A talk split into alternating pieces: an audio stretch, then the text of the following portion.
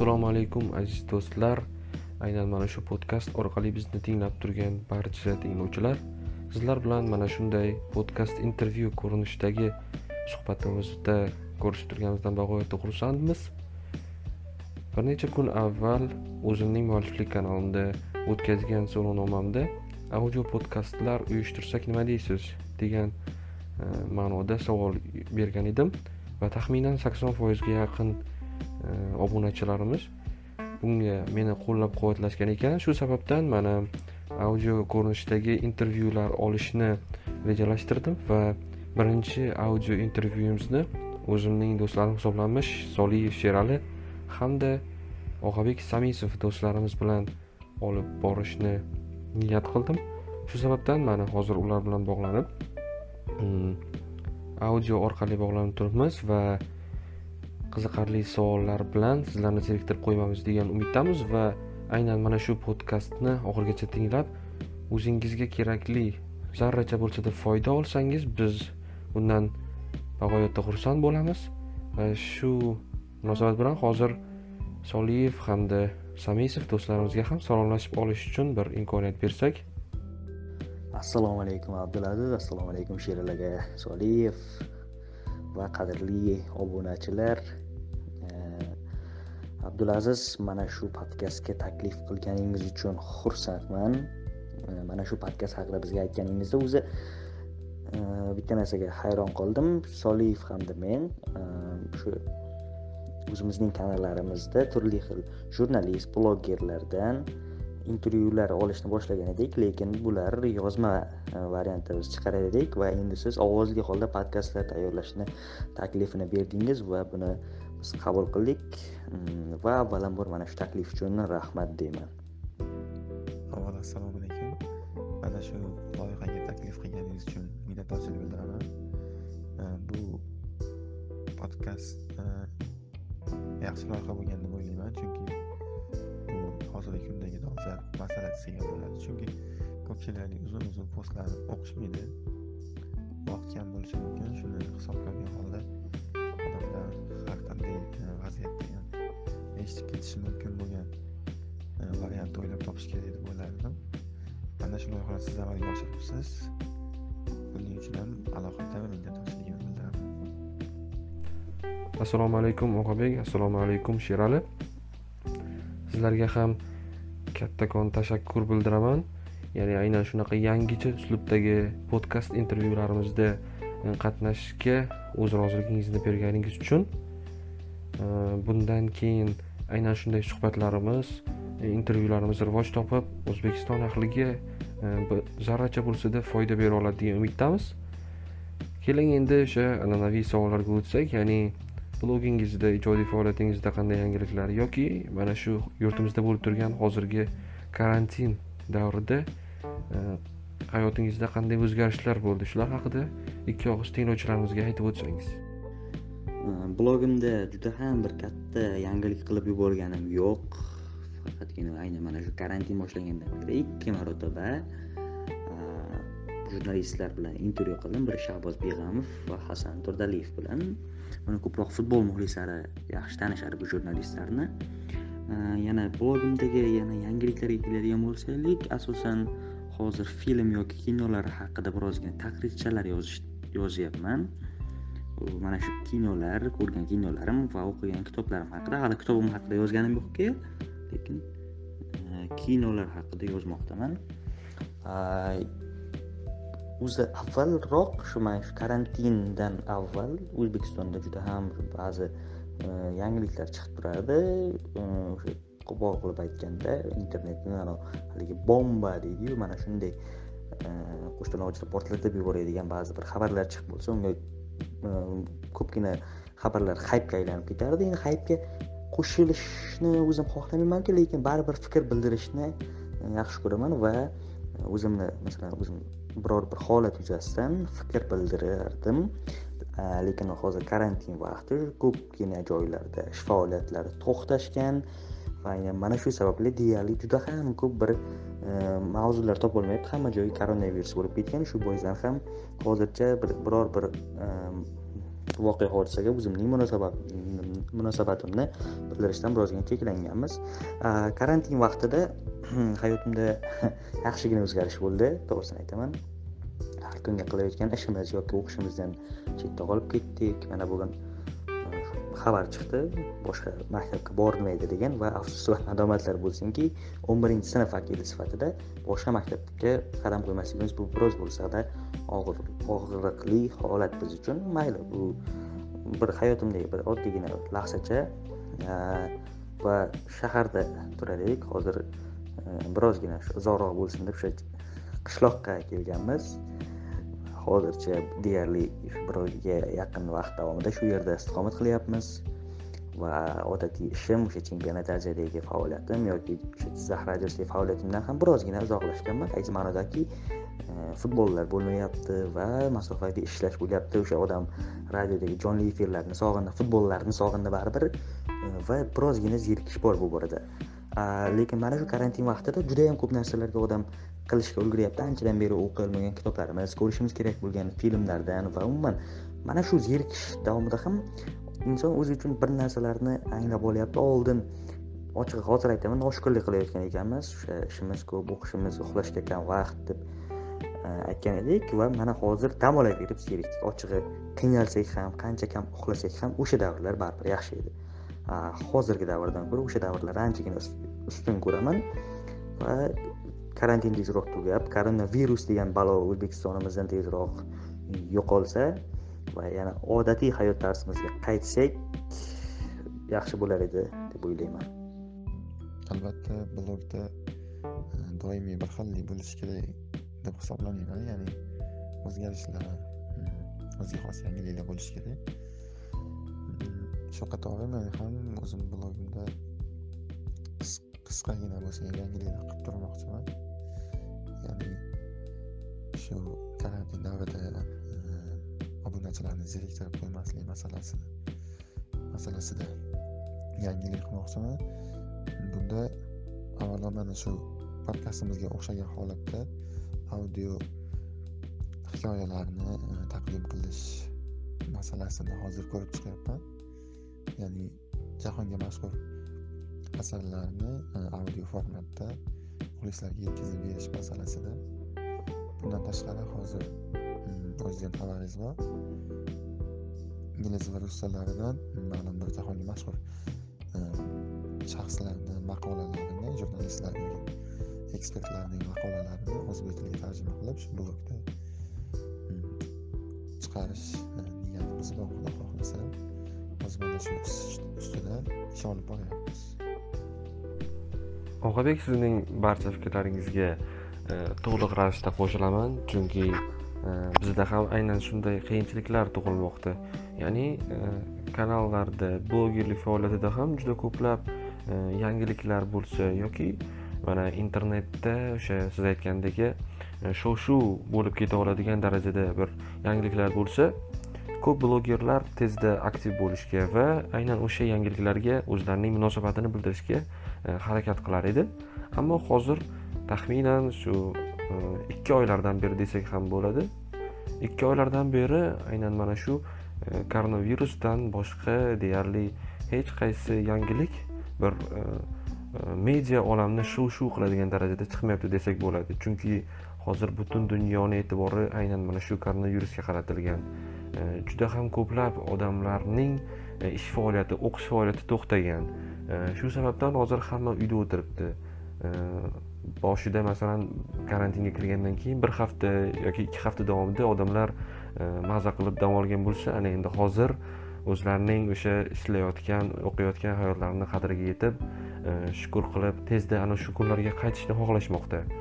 E, va e, xuddi shunday aytganda bizda ham aynan shunday mm, qiyinchiliklar tuyulmoqda. Ya'ni masalan mm, bironta bir fikr bildiraman desangiz ham yoki koronavirus yoki karantin haqidagi yangiliklar bo'ladi yoki aynan shu yangilik fonidagi yangiliklar topiladi. Shuning uchun hozirgi davrni tezroq e, karantinni tezroq tugatgan holda o'zimizning eski hayotimizga qaytishimizni allohdan e, so'rab qolamiz. Sizlarga ham barcha obunachilarimizga tinglovchilarimizga ham mana shu karantin davrida e, zerikmasdan o'zlariga yoqqan ishlar bilan mashg'ul bo'lishlarini hamda karantinni zerikmasdan o'tkazishlarini tilab qolaman. Va shu o'rinda yana bir savol tug'ildi. Ya'ni nima deb o'ylaysiz mana o'n beshinchi martdan yurtimiz bo'ylab e, koronavirus tarqalgani sababli barcha o'qish faoliyati e, deyarli e, ko'plab ish faoliyatlari onlayn tarzga o'tdi. Mana sizda ham o'sha jurnalistika faoliyatingiz yoki o'qishingiz ham onlayn faoliyatga o'tgan desam noto'g'ri bo'lmaydi. Endi shu yerda bir aytib o'tsangiz nima deb o'ylaysiz? Mana shu onlayn tarzga o'tishimiz shu yurtimizda bo'layotgan ko'plab yangiliklarni. Ayniqsa shu yilning nomiga ya'ni o'sha innovatsion rivojlanish e, yilimizning shioriga bo'lgan qandaydir bir mm, turtki bo'lmadimi? Ya'ni ancha yillardan beri hech kim e, internet tezligi haqida gapirishdan charchagan edi. Odamlarni ko'ngli so'ngan edi. Ana hozir aynan internet tezligiga bo'lgan E, talablar yana ko'tarila boshladi. Butun e, o'zbekiston ahli hozir onlaynda ishlayapti o'qiyapti. Mana shu ham bir qadam bo'ldi desam mubolag'a bo'lmaydi. Siz ham aytib o'tsangiz ya'ni o'sha e, onlayn sharoitga o'tganda nima deb o'ylaysiz? Shuni davom ettirsak bo'ladimi yoki yo'qmi? Uni qanday kelajagini qanday deb tasavvur qilasiz? Shu haqida ham bir fikrlaringizni bildirib o'tsangiz. Aynan mana shu holat ham ya'ni o'sha yuqoriroqdagi fikringizga qaytaman. Э, biror bir mavzu topilmasligi ham bunga munosabat bildirmasligi ham qaysidir ma'noda zerikarli holatga odamni olib kelib qo'yar ekan. Lekin juda ham bir ikki oy deb siz uzoq muddatni aytib yubordingiz sababi e, undan oldin aynan mana shu karantindan oldin uzavto motorsning narxlarini e, oshirib yuborgani haqida juda ham katta bir shov shuvga aylanib ketdi. O'zimiz ham kanallarimizda yozdik ijtimoiy tarmoqlarda ayniqsa twitterda Э, turli xil challenjlar chiqib ketdi va mana shu so'nggi ajoyib bir mavzu zavto motorsning narxlarini oshirgani bo'lib qoldi. Э, va undan keyin o'sha karantin boshlanib ketdi. Karantindagi aynan mana shu onlayn o'qish onlayn ish jarayonlari hozir biz majburiyatimiz biz majbur bo'lib qoldik. Aynan mana shu biz bilan ko'rinmaydigan o'sha virus sabab biz majbur bo'lib qoldik. Э, mana shu karantinda onlayn masofaviy ishlashga va buni keyinchalik ham davom ettirish qanchalik kerak qanchalik yo'q degan savolga e, javob berib o'tadigan bo'lsam bilmadim endi. Bu narsaga juda ham man o'zimda bir aqlim yetadi deb o'ylamayman. E, sababi agar man o'zimni kasbimdan kelib chiqadigan bo'lsak o'zi chempionat asiyada shundoq ham masofaviy ishlaymiz. E, masalan biz ularda jizzaxdan turib chempionat asiyaga o'sha telegram orqali ishlaymiz ya'ni masofaviy ish bo'ladi. Lekin masalan radio sohasida baribir jonli efirlar kerak va jonli efirlarda chiqish bu e, uyda o'tirib tekstni tayyorlab undan keyin e, ovozimizni yozib jo'natishdan ko'ra baribir jonli efirlar kerak va onlayn o'qishga keladigan bo'lsak onlayn o'qish ham juda ham bir zo'r bo'lmayapti va biz hozir shunaqangi zamondamizki o'zbekiston masalan o'zimizning sinfdan oladigan bo'lsak deyarli o'ttiztadan oshiq o'quvchida hammasida ham onlayn ta'limni olishga sharoit yo'q ochig'i kimdadir internet muammosi kimdadir telefon yo'q kimdadir umuman boshqa muammolar va ayni mana shu muammolar ham baribir bizda hali to'liqligicha onlayn o'qishga e, o'tib ketishimizni ta'minlab bera olmaydi. O'ziga xos muammolarimiz bor. Internet sifatining pastligi esa bu bir necha yillardan beri aytilib kelayotgan muammo. Bu narsani aytaverib aytaverib bu menimcha juda ham ko'pchilik odam yozdi. Internet sifati haqiqatdan ham. Masalan man aytyapman hozir shaharda emasman. Chekkaroq shu shaharning chekkasidaman va mana shu joyda bir ikkita joy bor va o'sha yerlarga borib man internetdan foydalanaman. Masalan qolgan joylarda deyarli internet ishlamaydi. Va bu ham o'ziga xos bir qiyinchilik va o'zbekistonimizning faqatgina o'sha shaharlarda yaxshigina ishlay yaxshi ishlaydi lekin chekkaroq hududlarga chiqsangiz bu u yoki bu kompaniyada albatta bo'ladi internet sifatining muammosi internet tezligining pastligi va o'sha shaharlarda ham internet sifati internet tezligi past Э, buni ochiq tan olish kerak. Boshqa davlatlarga qaraganda ham bu turli xil o'sha statistikalarga qarasangiz ham bu narsani ochiq ko'rsatib turibdi. Va aynan mana shu internet tezligining pastligi hozircha juda ham bir onlayn o'qishga ta'sir qilib yubormayapti deb ayta olmayman. Internet sifatining tezligi. Lekin bizning odamlarimizdagi telefon bor yo'q yoki yo'qligi internet bor bor yoki yo'qligi baribir ta'sir qilyapti. Biz aytamiz a hamma o'xshay e, internetga internetdan foydalanyapti hamma telegramga kiradi unday bunday. Bunday qarab bunday olib qaraylik. O'zbekistonimizda masalan o'ttiz ikki milliontadan oshiq aholi bo'lsa shularni qanchasi foydalanishi foydalana oladi? Shu internetdan yaxshilab bir hisob kitob qilaylik hali biz to'liqligicha internetga o'tib ketmadik. O'sha oddiy masalan oladigan bo'lsak sinfdagi o'ttizdan oshiq o'quvchining hammasida ham biz telefon yoki internet topa oladi deb ayta olmaymiz. Biz hali to'liqligicha o'tgan o'tmadik. Shu boisdan ham aynan mana shu muammolar sabab bo'lib qolishi mumkin. Lekin hozir mana shu zarurat bo'lyapti ekan onlayn o'sha maktablarda e, o'sha televizorlarda ko'rsatilyapti. Bu narsalar qilinayotgani yaxshi lekin aynan zarurat uchun qilinyapti.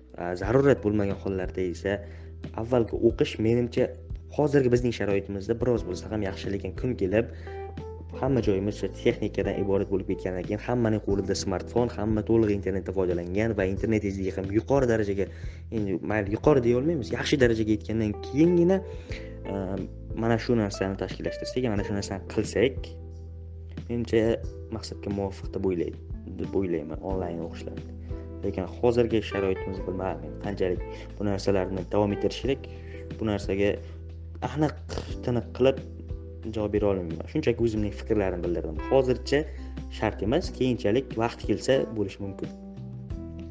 Endi pandemiyaning e, vujudga kelishi va uni o'zbekistonga kirib kelishi yaxshi holat emas. E, judayam yomon holat sifatida baholayman. Lekin bunda ham qaysidir ma'noda yaxshi jihatlarni ko'rishimiz mumkin. Masalan o'zimizni imkoniyatlarimizni saralab olishimiz va qachonki shunday favqulodda holat yuzaga keladigan bo'lsa bundan qanday chiqib ketishimiz nimalar qo'limizdan keladi nimalar kelmaydi shularni e, aniqlab olishimiz mumkin bo'ldi endi e, onlayn holat yuzasidan fikrlarim u qadar ijodiy ijobiy emas ya'ni internet tezligi haqiqatdan judayam past to'g'ri toshkent shahrida yoki viloyat markazlarida yaxshi bo'lishi mumkin lekin mm, tumanlarda u chekka chekka joylarda demaymiz oddiygina viloyatdagi tumanlarda mm, internet sifati judayam past. Mm, masalan oddiygina e, o'sha o'n megabaytli videolarni topish uchun o'sha o'zimiz ham ko'rdik e, tomlarga chiqib ishlatishyapti odamlar kerak bo'lsa. Bu endi biz maqtanadigan ko'krak keladigan o'zbekiston uchun bu uyatli holat deb o'ylayman. Shu bilan birga e, onlayn ta'limimizga bir e, fikrimni bildirib o'tmoqchiman. Bu ham u qadar qoniqarli emas lekin e, yo'qdan ko'ra bor ham emas. Ya'ni yaxshiroq. Masalan besh balli tizimda uch yarim yoki to'rt ball qo'ysa arziydigan holat. Birinchi marta bo'layotganligi uchun xatolar ko'zga ko'rinyapti deb o'ylayman shu o'rinda yana bir savol tug'iladi. Ya'ni e, blogerlik faoliyatini boshlashingizda yoki e, jurnalistika faoliyatida qiziqishingizga kimdir turtki berganmi yoki o'zingizda bir qandaydir qiziqish bo'lganmi? Aynan shunday e, o'zingizning kanalingizni e, ochishingiz uchun nima sabab bo'lgan? Shu haqida ham fikrlaringizni eshitsak. Jurnalistika va blogerlikka kirib kelishim anchagina qiziq bo'lgan chunki yoshligimda hech ham jurnalistikani o'ylamaganman jurnalist bo'laman deb o'ylamaganman va blogerlik endi umuman xayolda ham bo'lmagan edi yoshligimda she'r yozishga qiziqar edim va men mana shu she'r yozishimni uydagilar mana shu qobiliyatini payqab jizzax viloyat teleradio kompaniyasida bir ustoz opamiz bo'lar edi. Va aynan mana shu e, ustozimizni oldiga olib borishgan edi. U yerda mani e, she'r yozishga shoirlikka e, sekin sekin o'rgata boshlagandan so'ng o'sha u opa jizzax radiosida ham boshlovchi edilar va o'sha vaqtlarda jizzax radiosida bolalar dasturi ochilib qoldi. Adashmasam nomi beg'ubor bolalik dasturi edi va o'sha yerga meni boshlovchilikka taklif qilishdi. Ochig'i kutilmagan taklif edi va rozi bo'ldim. Qanaqa bo'lar ekan deb va ungacha radio haqida televideniye haqida umuman bir qiziqish ham bo'lmagan va shu shu o'sha yerda boshlovchilikni boshladim bolalar dasturida. Keyinchalik o'sha sekin sekin boshlovchilikda o'rganib olgandan so'ng dastlab boshlovchilik ham yoqmagan qilolmayman degan paytlarim o'sha ustozlarimiz shoshilma hali san endi kirib kelyapsan. Hali hammasi oldinda deb tushuntirishgan va e, mana shu nima deydi e, sekin sekin sohalarga qiziqtirishni boshlashgan edi va deyarli yerda bir yilga yaqin davomida boshlovchilik qildim. Va o'ziga xos sabablar bilan mayli hozir sabablarni ayta olmayman lekin o'ziga xos sabablar bilan ketdim. O'sha jamoadan desam ham to'g'riroq bo'ladi. Va e, yana vaqt o'tib yana shu jurnalistikaga qiziqish jurnalist bo'laman deb kasb bo'lishim bitta narsani aytib o'tishim kerak. Bitta insonning bitta maqolasi sababchi bo'lgan diyor imomxo'jayevning erudit sport gazetasida chiqqan stop kadr dubl ikki degan bir maqolasi e, sababchi bo'lgan juda ham nima deydi shunaqangi zo'r yozilgan edi. Man uchun va o'sha maqoladan ilhomlanib o'zim mana shu sohaga sekin sekin kirib kelganman. Qiziqishim ortgan e, maqolalar o'qishni boshladim. Turli xil futbolga oid jurnalistikaga oid har xil dasturlar podkastlar ko'rsatuvlar blogerlarni o'qishni boshladim va jurnalistlarning jurnalistlarni ijodiga qiziqa boshladim va sekin sekin mana shu sohaga qiziqish uyg'ondi hamda yozishga nimanidir fikr bildirishga nimalardir yuzasidan fikr bildirishga bo'lgan manda qiziqish ancha erta uyg'ondi desam bo'ladi. Chunki ikki ming o'n yettinchi ikki ming o'n sakkizinchi yil oladigan bo'lsak hali o'n besh o'n olti yosh bo'lganman va o'sha davrlardanoq sekin sekin qiziqish ortgan va telegramda dastlab mana bu hozirgi kanalimdan oldin bir nechta kanallar ochganman. Extra time degan kanal ochganim va kanalni tezda yopilib ketgan keyin e, bitta shu do'stimizning kanaliga maqolalar yozib turar edim.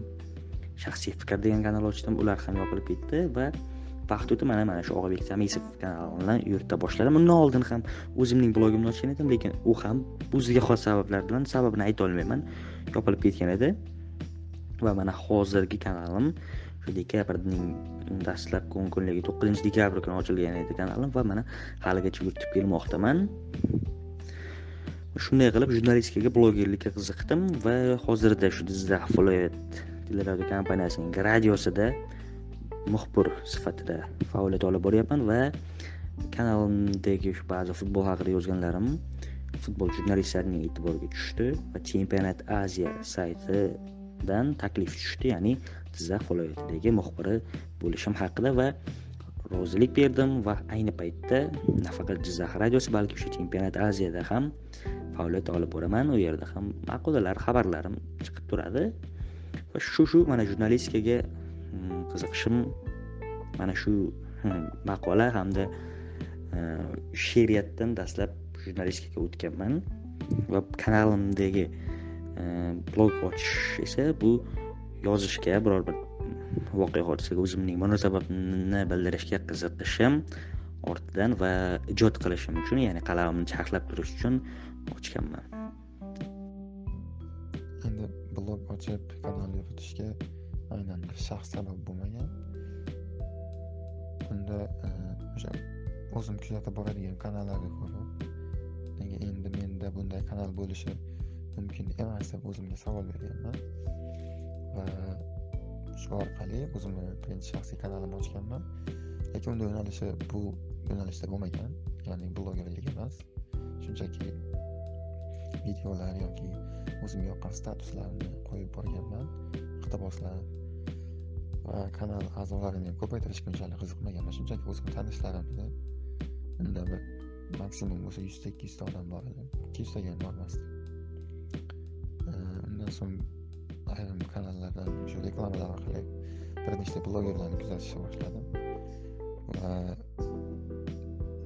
e, vatanimizdagi ijtimoiy siyosiy holatga bo'lgan mm, befarq emasligimni hisobga olib mana shu yo'nalishda boshqa kanal ochishga e, qaror qildim va mana shu blog dunyoga keldi desam mubolag'a bo'lmaydi adashmasam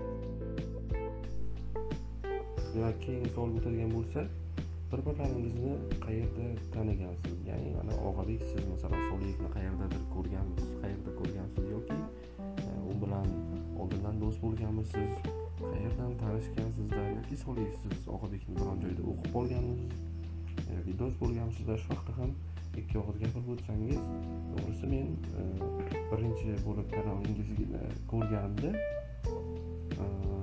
soliyevning solievning light kanalida ya'ni paradoks kanalida u yerda ko'plab o'sha bir biringiz bilan yozishmalar qilardingiz. Aynan o'shanaqa yozishmalar orqali e, ikkalangizni ham kanalingizga birdan kirganman va ko'rganman. Ikki uch marta e, ko'p bo'lardi bunaqa yozishmalar.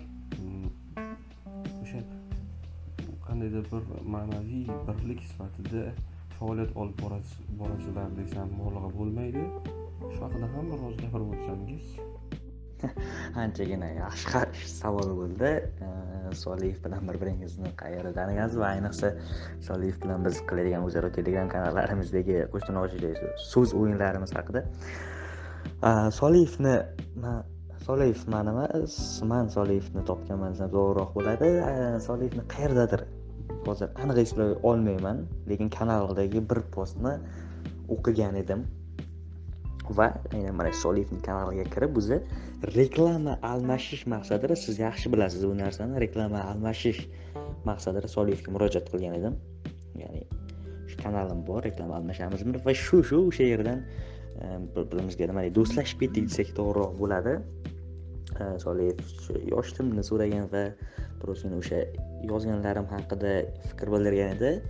Va shu shu u bilan mana shu aloqa uzilmadi o'shandan beri bu fevral oyining boshlarida edi va o'sha soliyev bilan kanallarimiz o'rtasidagi va o'sha reklama almashdik va bir necha kundan so'ng soliyevning shu kanaliga men ham obuna bo'lgan edim. Uning yozgan fikrlariga qarshi o'zimning kanalimda yana uning yozgan fikrlariga qarshi post qilgan edim. Va o'sha postdan so'ng va o'sha birgina uning fikrlariga qarshi yozganim hamda mana shu orqali o'zi so'z o'yinlari boshlanib ketgan edi va shu shu sekin astalik bilan bu yoqqa davom etib ketgan edi va mana haligacha soliyev bilan do'stmiz. O'sha siz aytgandek ma'naviy birlik desak to'g'riroq bo'ladi. Ya'ni uning yozgan fikrlariga men yoki mening fikrim yozgan fikrlarimga u goh gohida javob berib turadi va shu orqali mm, yaxshigina so'z o'yinlarini qilamiz. Bu ko'pchilik o'sha obunachilar agar ha o'zlaring uyushtiryapsizlar deb yo'q bu hech qanday uyushtirish emas. Shunchaki fikrlarning har xilligi. Bu manimcha normal holat va e, bir birimizning o'sha fikrlarimizga e, o'zimizning izohlarimizni kanallarimizda yozishimiz bu juda ham yaxshi holat deb bilaman. Menimcha kanalimizda ko'p yozishamiz u bilan lichkadan lichkaga lichkada yozishganimizdan ko'ra.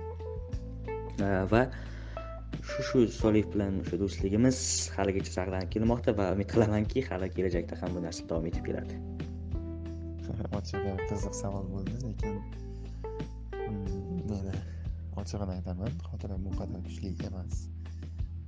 Aniq eslab qolmaganman. Lekin adashmasam orbek menga yozganmi yoki qandaydir kelib qolib undagi qaysidir postga qiziqqanmidim aniq esimda yo'q lekin hayotda masalan ko'rishmaganmiz. Hmm, shunchaki shu telegram ijtimoiy tarmoqlar orqali muloqot qilamiz.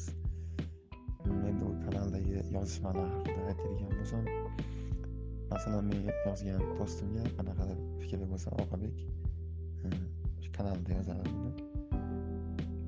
uni. Fikriga menda qandaydir qarshilik yoki qo'llab quvvatlash bo'ladigan bo'lsa uni men o'zim kanalimda yozaman. Shu orqali bir bilan o'zaro o'sha so'z o'yini qilib borish o'zimizga qandaydir odatga aylandi desam mubolag'a bo'lmaydi va menimcha bu kimgadir yoqmay qolmayapti ya'ni e bo'ldi o'char zeriktirding degan gap bo'lmadi. Og'abekni o'sha boshida endi tanishayotgan paytimizda men e'tiborimni tortgan tomoni o'sha chempionat viza saytida ishlashi jizzax radiosida ishlashi yosh bo'lib turib mana shunday darajaga yetishgani menga qiziqtirgan va kanalni kuzatib borish barobarida bu bekoridan bekoriga osmondan tushib o'sha saytga kirib qolmaganligini tushunganman. Haqiqatda fikrlari yaxshi. Hurmat qilaman. Keling shu o'rinda biroz qaltisroq savolga o'tsak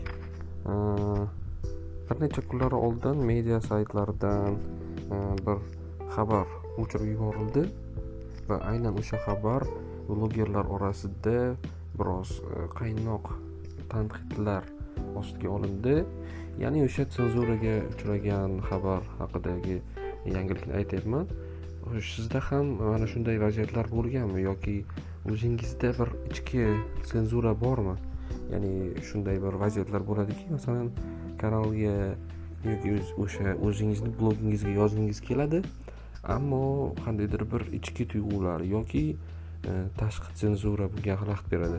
Yoki shu paytgacha bironta bir e, senzuraga uchragan maqolangiz bo'lganmi o'sha gazeta faoliyatida yoki jizzax radiosi faoliyatida yoki o'z bloglaringizda e, yoki aynan o'sha bilaman adashmasam soliyev human uz saytida ishlaydi. Aynan mana shu saytlarda siz yozgan maqolalar senzuraga uchraganmi? Mana shunday holatlarga tushganmisiz ho'p senzura haqida gapiradigan bo'lsam siz butun faoliyatim haqida gapirdingiz. Jizzax radiosi gazetalar blogim va saytlar haqida jizzax radiosi umuman o'zi mtrkda senzura yo'q deb men ayta olmayman. Lekin bitta narsa bor e, shuncha yildan beri o'sha yerda faoliyat olib kelayotgan bo'lsam hech qachon o'zim xohlab bitta narsani gapira olmaganman. Faqat o'sha ssenariy asosida qog'ozga yozib olingan mana shu asosda gapirganman lekin hech qachon birozgina bir erkinroq bo'lib chiqish qilish chiqish qilmaganman ochig'ini aytaman bu narsani.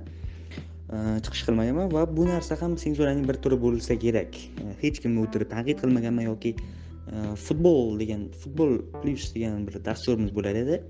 Aynan o'sha jizzax radiosida va u dasturda ham kam chiqardik va asosan yevropa futboli haqida gaplashganmiz o'zbek futboli haqida bir tanqid qilarli mavzular bo'lgan bo'lsada juda ham bir e, tanqid qilib gapirgan joyim yo'q. Ya'ni bu o'sha yerdagilarning talabi ham bo'lmagan va o'zim ham gapirmaganman. Shunchaki e, agar mana shu narsa gapirilsa qo'ya qo'y bu narsani boshqa gapirma e, yoki bu haqda qilsang gapirishga yoshlik qilasan degan gaplar baribir bo'lar edi va juda ham bir o'sha terma jamoamizga yutqazgan vaqtlarga to'g'ri kelmagan aynan o'sha dasturlar va asosan yuqorida aytganimdek xorij futboli haqida futboli haqida gaplashardik. Va asosan shu ssenariy asosida gapiramiz. Gazetalarda tanqidiy chiqishlarimmi? Man gazetaga maqola yozib yurgan paytlarim hali tanqid nimaligini bilmaganman ochig'i to'g'risini aytaman. To'g'ri maqolalarim chiqqan lekin tanqidiy kimnidir yoki nimanidir tanqid qilib yozmaganman. Maqtab ham yozmaganman shunchaki o'zimga ba'zi bir endi o'sha vaqtdagi hozir o'sha maqolalarni o'qisam kulaman o'zim mana shu narsalar yozganimga va endi o'sha vaqtda chiqarishgan gazetada o'sha yaxshi deb va mayli uni ham qabul qilaman lekin gazetada ham bir senzuraga uchraganman deya olmayman. Kanalimda blogimga keladigan bo'lsam e, mayli sayt chempionat azia saytida deyarli bir e, kimnidir tanqid qilib maqola yuborganman. Lekin maqolamning sifati borasida sayt chiqarishmagan. Lekin u senzura uchun emas sayt maqolamning sifati uchun chiqarishmagan. Ho'p. Blogimdagi biror bir maqolam tanqidiy chiqishlarimni hech kim o'rtaga olib tahlil qilmagan va hech kim nima deydi nega bu narsani yozding deb manga telefonlar ham e, ko'pchilik aytadi qo'ng'iroqlar bo'lmagan. Xudoga shukur bo'lmagan va bo'lmasin ham. Va e, tashqi senzurani deyarli his qilmaganman lekin ich ichimdan ichki senzuram bor. Va bu narsani man e, yuqoridan sezmayman balki o'zimning oila a'zolarim yaqinlarim tarafidan sezaman. Ya'ni biror bir mavzuni yozib chiqarmoqchi bo'lsam yaqinlarimni o'ylayman to'g'risi. Ya'ni qaysi ma'nodaki? O'zim o'zimning o'ziga xos prinsiplarim bor. Ya'ni ulardan biri otam onam ishlayotgan joyga. Otam onam akam mm, bizni oilaga non topib kelayotgan joyga hech qachon tosh otmayman. Yoki o'zim ta'lim olayotgan mani shu ustozlarim bor joyda ishlayotgan yoki o'qiyotgan ta'lim maskanimga qarshi ham hech qanday tosh otmayman. Tashqi tomondan ya'ni kanalimda ularni ichidan bilib olib kanalimda ularni chiqib yozmayman degan o'zimda prinsipim bor. Bu man uchun kanalim yoki ishim saytim man hammasini topa olaman lekin man otam bilan onamni topolmayman shu boisdan ham man e, bu narsani qilmaganman lekin e, ichki senzura bor baribir. Masalan man o'zimga xos judayam ko'p haqiqatlarim bor. O'sha ta'lim maskanimda ham qo'limdan kelsa mana shu narsani kanalimda yozib chiqarganimdan ko'ra o'sha yerni o'zida o'zim ichida yurgan masalan ishlayotgan joyim o'qiyotgan joyimda ichida man qarshi kurashaman. Mana shu narsa qo'limdan kelgancha man juda ham bu narsani kurashib ham ko'rganman. Qo'limdan kelgancha va nimalarnidir o'zgartirishga harakat qilganman. Э, va gapirish kerak bo'lgan joyda gapirganman. Kerak bo'lsa rahbarlarning yuziga ham ayta olgan joylarim bor lekin hech qachon tashqi tomondan yozmaganman boshqa biror masalan maqolani tanqidiy chiqishlar qila olsam albatta ota onam avvalo o'g'lim qo'ya qol o'g'lim qo'ya qol degan mana shu gaplarni eshitaverib ha mayli ha mayli deb o'zimni ham tilimni birozgina tiygan joylarim bor. Bu albatta ichki senzura lekin hech qachon man yuqoridan sezmaganman. Shunchaki oila a'zolarim va o'sha yuqorida aytgan prinsipim sabab e, ko'pgina maqolalarim balki chiqmagan bo'lishi mumkin. Lekin qo'limdan kelsa ichida turib masalan ishlayotgan joyim yoki ta'lim maskani yoki ota onam ishlayotgan joy takliflarini bildirganman ularning o'zlariga ham aytganman ichida kurashganman lekin tashqi tomondan emas. Avvalo shu ichki samosenzura haqida to'xtaladigan bo'lsam menda bu narsa yo'q deb bemalol ayta olaman aksincha menda shu katta katta tanqidlarni ichimdagi gapni bemalol aytishga ishtiyoq bor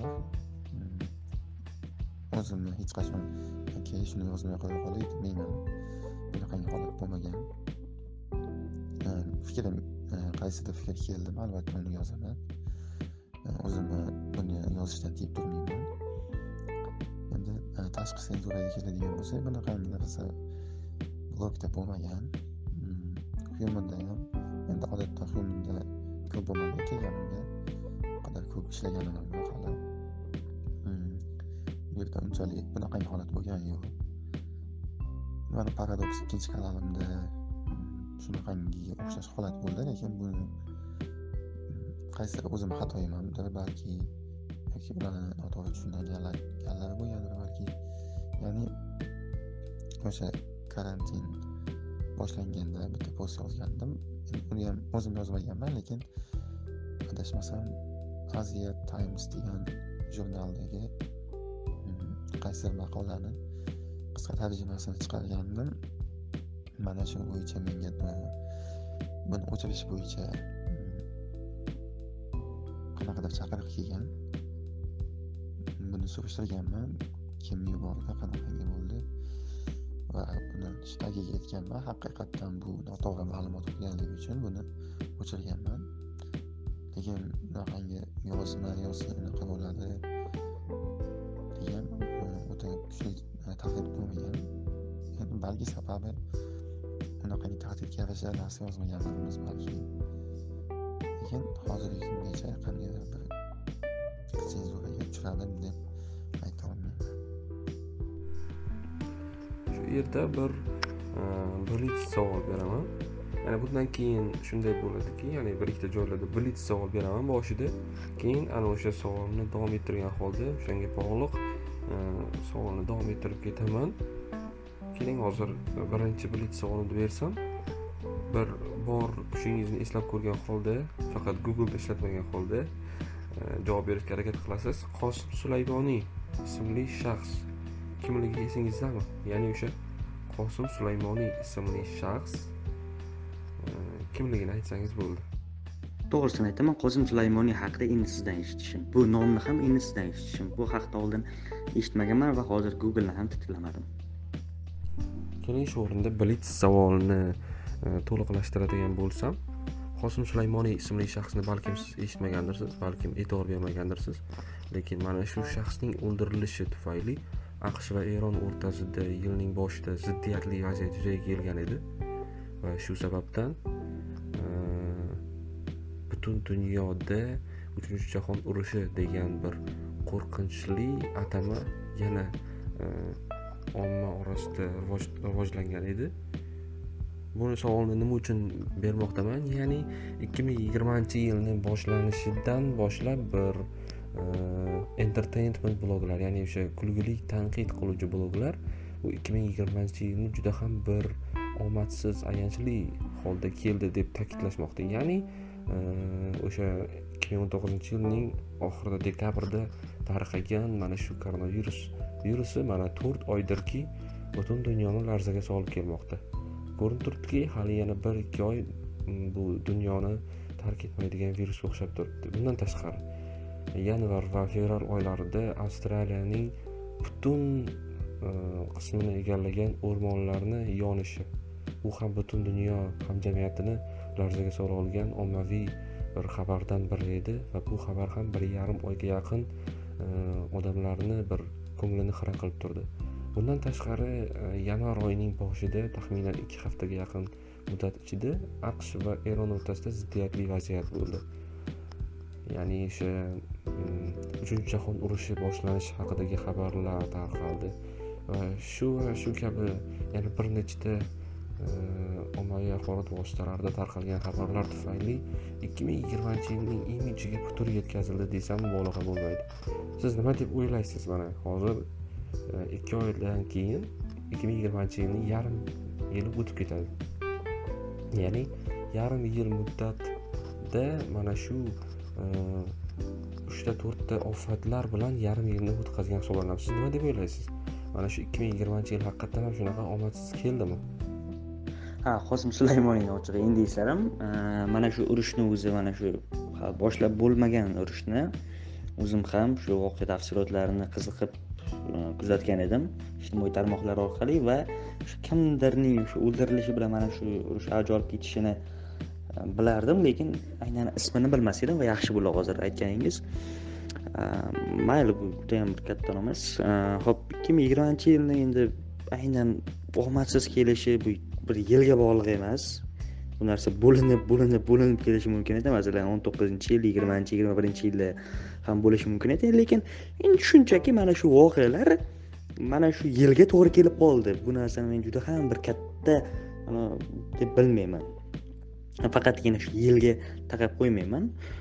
O'zi yaqinda twitterda ham ancha bo'ldi o'qiganimga bittasi yozgan edi sichqon yilida e, xuddi mana sichqonlar inga kirib ketishadiyu mana shunga o'xshab sichqon yilida hamma uy uyga kirib ketdi insonlar ham degan bir ma'noda e, bir kulgiliroq izoh tashlangan edi.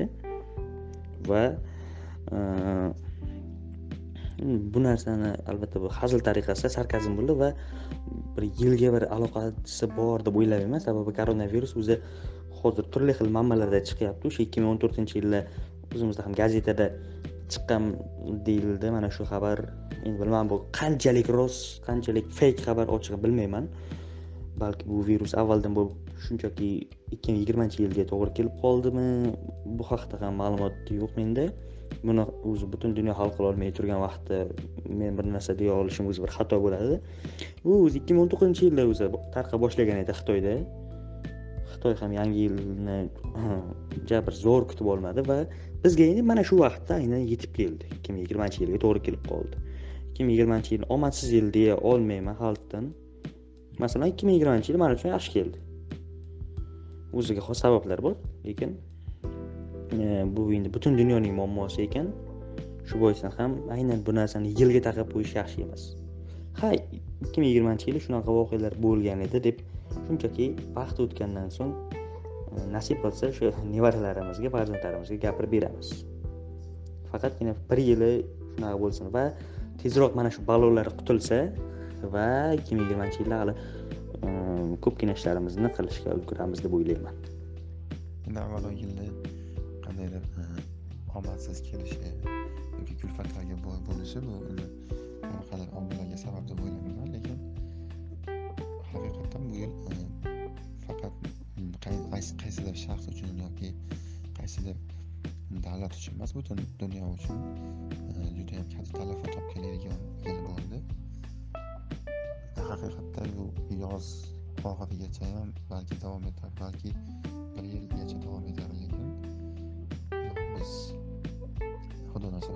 Tezroq yakunlanishini bu narsalarni lekin bir oydan keyin tugasa ham bir haftadan keyin tugasa ham bu уже butun dunyoga katta ziyon keltiradi endi o'sha avstraliyadagi yong'inlar yoki o'sha eron aqsh zilzilalari bular borasida u qadar chuqur fikr bildirmasam kerak chunki ekologiya borasida bilimlarim yuqori emas yong'inni sababi yoki unchalik o'rganganim yo'q. Lekin o'sha aqsh bilan eronda endi tinchib ketishdi. Odatda eronda orqasi rossiya turib deyishdi o'shaning uchun aqsh e, qo'rqdi degan gaplar ham bo'ldi har xil endi. Mm, ana markaziy studiyada aytishadiku atrofda gaplar ham ko'p gapchilar ham ko'p. Lekin ular hammasiga ham quloq osish kerak emas deyishadi. Xuddi shunday. Mm, o'sha ikki ming yigirmanchi yilni e, omadsiz yil deb aytadiganlarga ham quloq solish emas chunki ehtimol kimdir mm, shu yilga oxirida qanaqadir kattaroq bir muvaffaqiyatga erishar. Bu yog'i hammasi xudodan. Muhimi umid so'ndirmaslik harakatda to'xtamaslik kerak. Ho'p intervyumizni oxirini juda bir qiziqarli savol bilan yakunlamoqchi bo'ldim. Bundan keyin blitz savollar ham berib o'taman.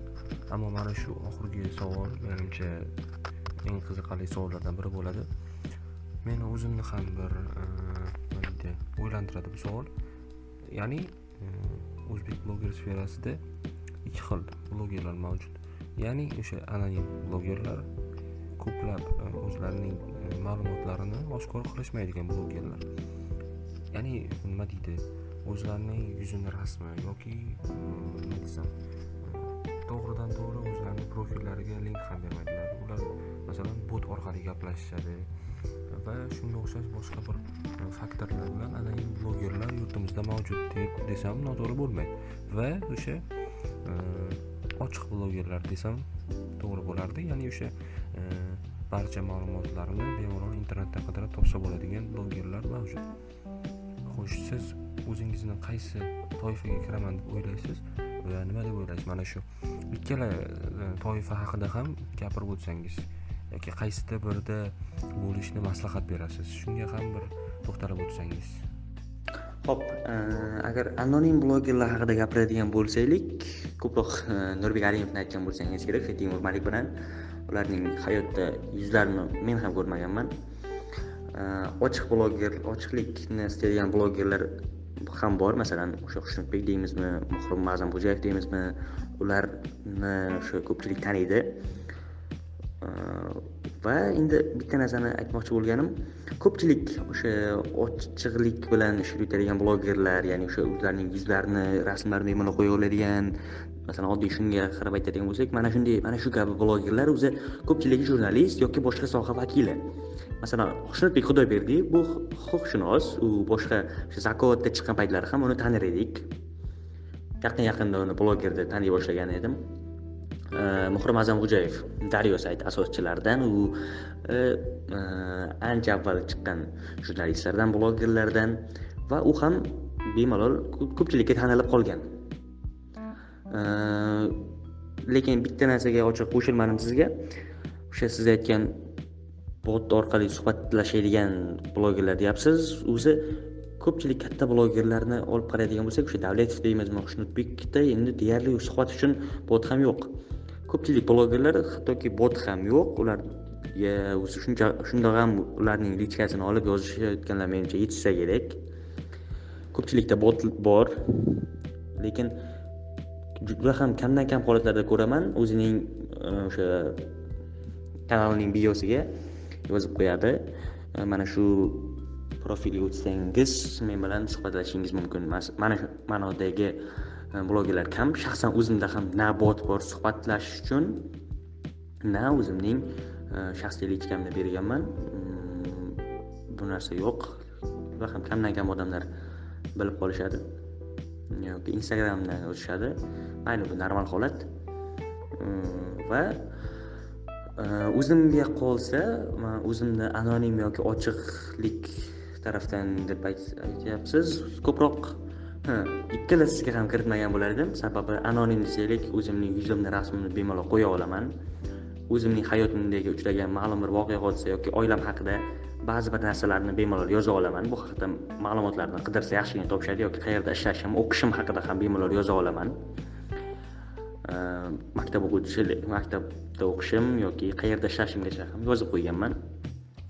Yozaman kerak bo'lsa va ochiqlik tomonini aytadigan bo'lsangiz o'zimning lichkamda bermayman. Ya'ni ko'rsatib qo'ymayman yoki biror bir mayli bot yaratishim mumkin qachonlardir lekin hozir emas. Va mana shu tarafdan o'zimni nima deydi ochiqlikka ham ya'ni ochiq bloger yoki anonim blogerga ham kiritmayman. Ikkalasiga ham kiritmagan bo'lardim va e, agar maslahat kerak bo'ladigan bo'lsa man o'zi baribir suhbat qilish uchun obunachilar bilan bo'lsa suhbat qilish uchun bot kerak. Yoki o'zining shaxsiy lichkasiga mm, ega bo'lishi kerak. Ну lekin masalan mm, bot bo'lishni maslahat beraman. Vaqti kelib o'zim ham mm, suhbat uchun bot ochib qo'yaman. Shu manda fikrlar yuqorida siz aytgan anonimga ham ochiqlik tomondagi ikkalasiga ham o'zimni kiritmayman lekin. Judayam yaxshi savol.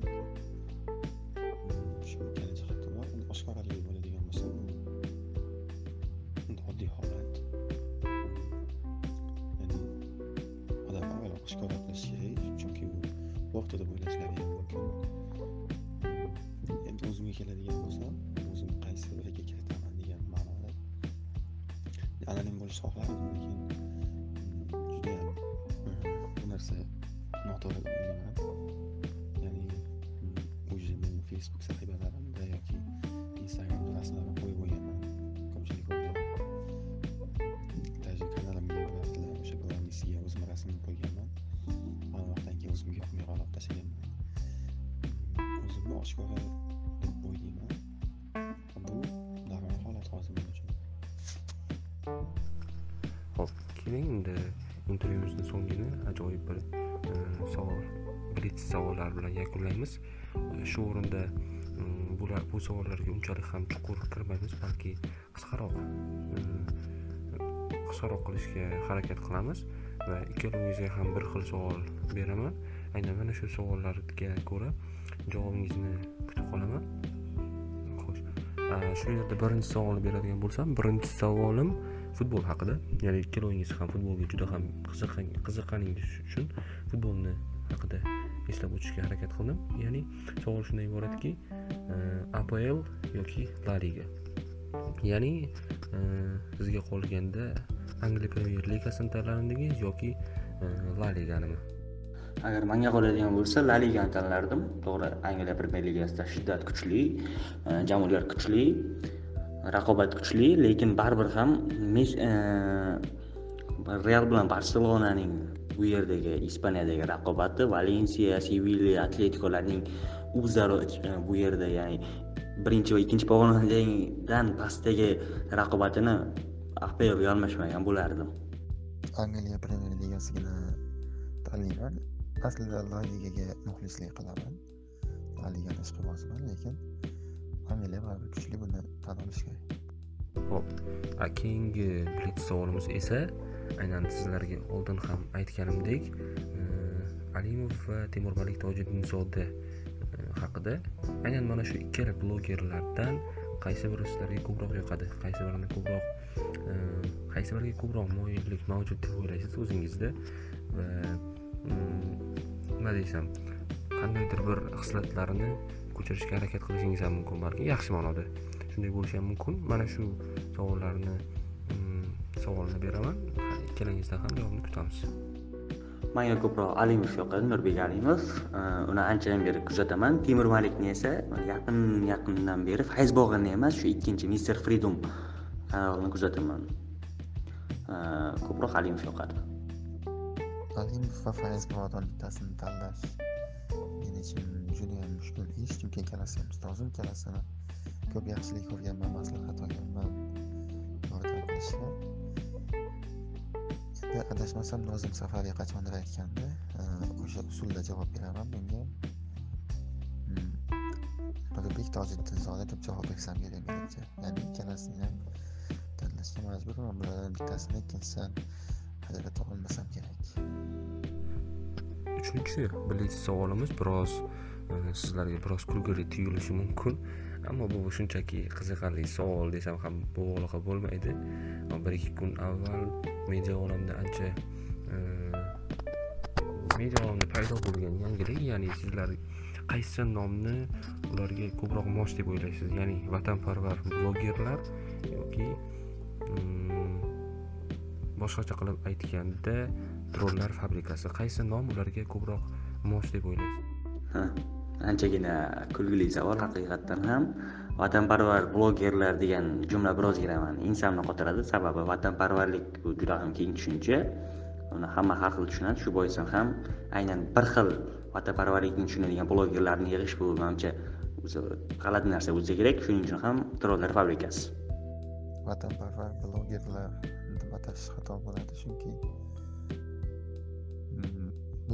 bloger degani endi to'g'ri hozir hamma joyda shu so'z odamni betasiga ham tegdi lekin bloger degani bu aynan bitta shaxsni ko'rsatmasiga binoan yo faqat yaxshilash yo faqat yomonlash e, maqsadidagi odam emasda bu umuman boshqa keng ma'noda. Shuning uchun bu vatanparvar bloger degani umuman boshqa narsa.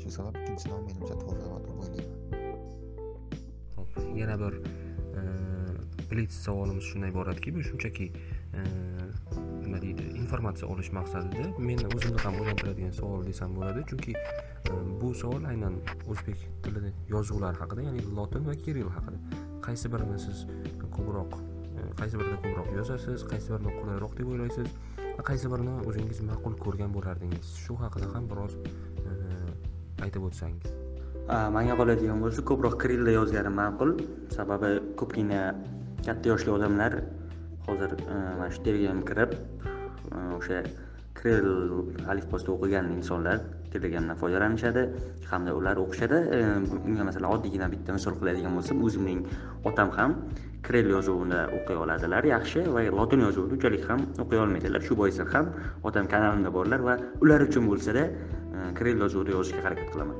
Endi bu oddiygina bitta misol bittagina misol qolganlar ham bor. Kuzatganmisiz yo'qmi? Men kanalni boshida lotincha yozganman chunki e, lotin yozuvida o'qiganman shu bo'yicha ta'lim olganman mm, shunda tezroq yozaman. Kerak bo'lsa o'sha tengdoshlarim orasida kompyuterda eng tez yozadigandim lotin tilida lekin ayrim ayrimlar maslahat berishdi. Kerakli yozsang yaxshi e, auditoriyang keng bo'ladi deyishdi.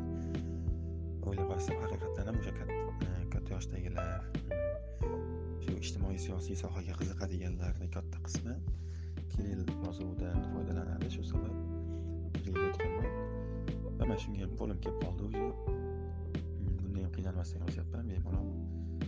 Lekin menimcha hamma ham lotin yozuviga o'tishi kerak qachondir. Yoki shunga qonun chiqarish kerak. Lotin kerak emas degan qonun chiqarish kerak. Hozir qonun bor. Lotin yozuviga o'tish kerak degan. Bu ancha oldin qabul qilingan lekin kerak bo'lsa biz bilmayman nimaga hukumatimiz ham bu bo'yicha qanaqadir ishlar olib bormayapti deb hisoblayman. Lekin e, aynan savol kirill yoki lotinda deb qo'yilgan ekan. O'zimga lotin qulay ekan.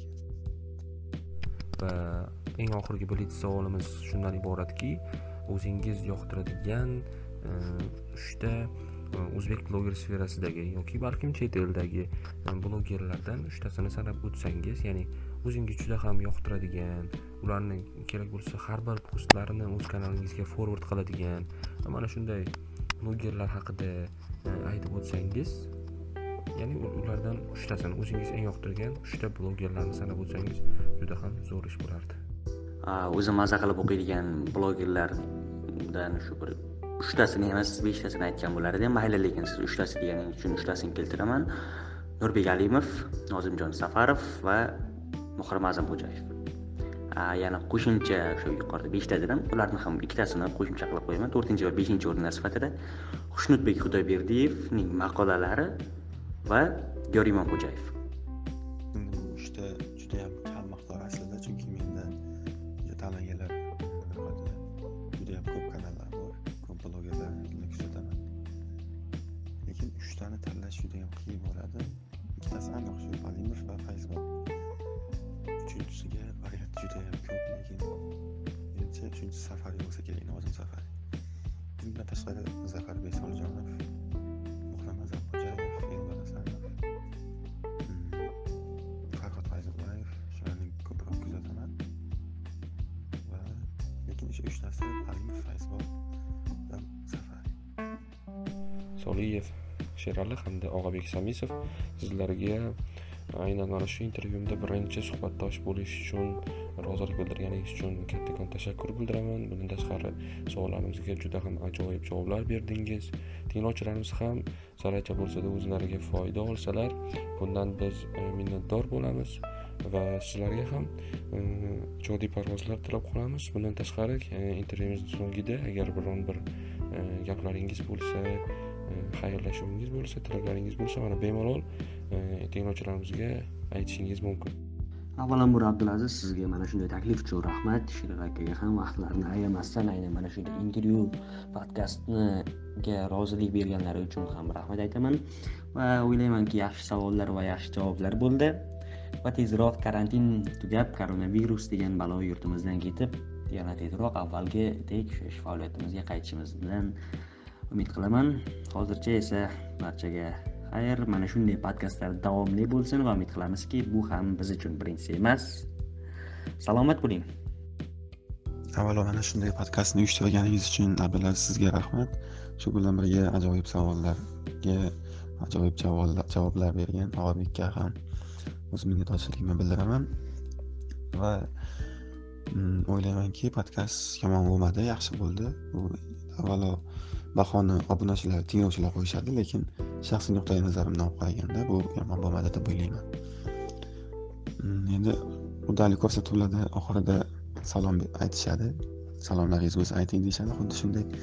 Endi men salom aytmayman lekin iltimosim bor. Butun o'zbekiston xalqi nafaqat o'zbekiston xalqi balki insoniyatga xavf solib turgan mana shu koronavirus pandemiyasini barham topish uchun hammamiz uyda bo'laylik va duo qilaylik. Shu bilan birga e, mana shu kirib kelgan muborak e, barcha niyatlar qabul bo'ladigan oy ramazon oyi hammamizga muborak bo'lsin. Ilohim yomon kunlar ortda qolib yaxshi kunlarimiz bardavom bo'lsin. Tashakkur hammalaringga. Rahmat barcha tilaklar uchun. Mana sizlar ko'rib turganingizdek xuddi shu yerda birinchi audio podkast intervyumizni nihoyalashimiz zarur. Э, birinchi intervyuda yo'lga qo'ygan xatolarimiz kamchiliklarimiz bo'lsa buning uchun sizlardan uzr so'raymiz. Keyingi intervyularda bularni takomillashtirgan holda e, bundanda ajoyib suhbatlar podkastlar uyushtirishga harakat qilamiz. Sizlar esa zarracha bo'lsada foyda olgan bo'lsangiz e, bundan bag'oyatda xursandmiz. Intervyuimizni oxirigacha tinglaganingiz uchun bundanda ikki karra xursandmiz. E, keyingi intervyularimizda kimning ovozini eshitmoqchi bo'lsangiz yoki kimning suhbatini e, kim bilan suhbat qurishimizni istasangiz o'z fikrlaringizni kommentariyalarda bildiring. Yoki biz bilan aloqaga chiqib bemalol e, botlarimizda yozib qoldirishingiz mumkin va biz sizni fikrlaringizni albatta inobatga olamiz va o'sha inson bilan suhbat qurishni rejalashtiramiz. E, intervyumiz intervyuimiz sizlarga ma'qul kelgan bo'lsa biz bundan xursandmiz. Biz bilan bo'lishda davom eting. Keyingi intervyulargacha ko'rishguncha xayr.